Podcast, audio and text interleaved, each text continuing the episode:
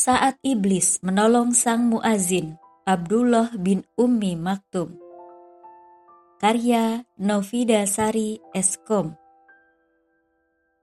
Abdullah bin Ummi Maktum merupakan salah satu sahabat Nabi Muhammad Shallallahu Alaihi Wasallam yang menyandang disabilitas.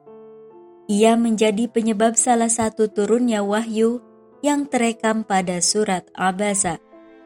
Karena pada waktu itu, Abdullah datang tiba-tiba meminta izin untuk menanyakan satu hal kepada Rasulullah. Namun, Rasulullah sempat tidak menghiraukannya karena sedang berbicara dengan pemuka Quraisy.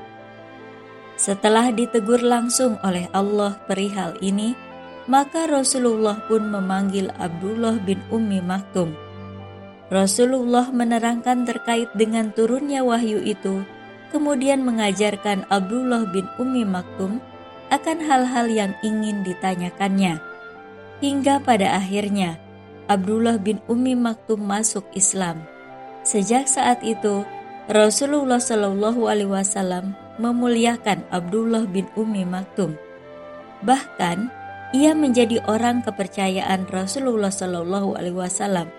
Setiap kali beliau melakukan safar ke medan perang, maka Rasulullah mengangkat Abdullah bin Umi Maktum untuk menjadi wali sementara di kota Madinah selama Rasulullah safar.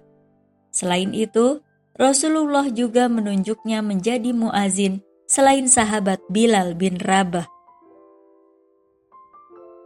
Meskipun menderita tunanetra, Abdullah bin Umi Maktum yang tergolong sebagai asabi kunal awalun ini tetap bersemangat di dalam menjalankan syariat yang telah ditetapkan Allah termasuk dalam berjihad.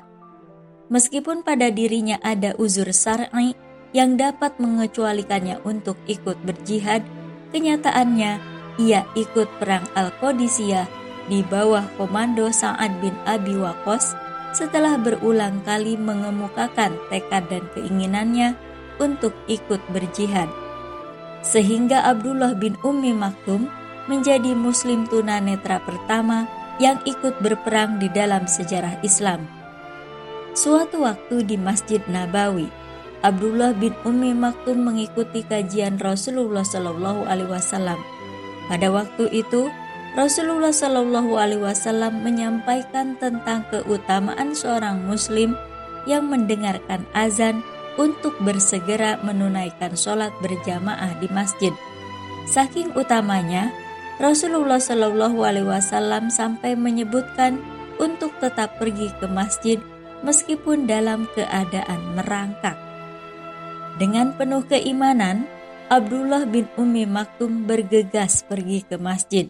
Akan tetapi, di tengah jalan kakinya tersandung batu hingga berdarah.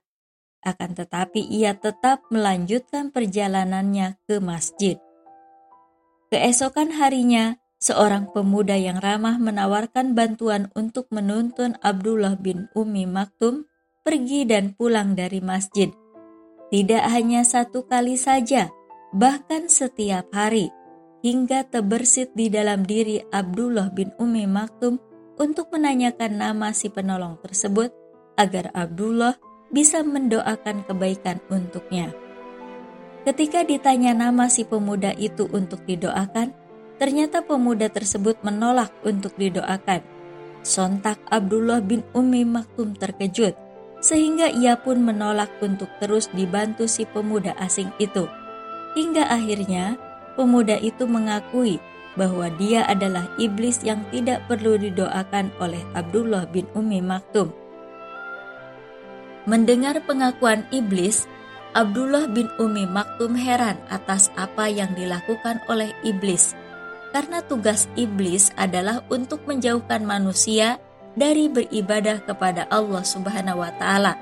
Akan tetapi dengan polosnya iblis menjawab, bahwa pada hari Abdullah bin Umi Maktum tersandung batu saat menuju masjid sehingga berdarah-darah, maka iblis yang mendengar bahwa Allah Subhanahu wa taala telah mengampuni setengah dari dosa Abdullah bin Umi Maktum. Oleh karena itu, iblis tidak rela jika nanti Abdullah bin Umi Maktum tersandung batu lagi.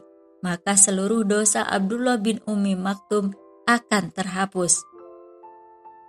Dari sini, ada ibroh berharga yang bisa diambil, bahwasanya iblis tidak akan pernah ridho jika manusia diridhoi oleh robnya, hingga ia mendapatkan ampunan dan balasan yang terbaik.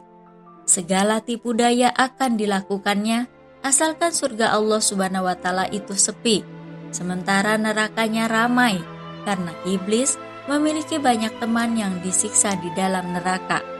Oleh karena itu, seorang mukmin harus senantiasa waspada atas segala tipu daya yang dilancarkan oleh iblis bersama sekutunya. Wallahu alam bisawab.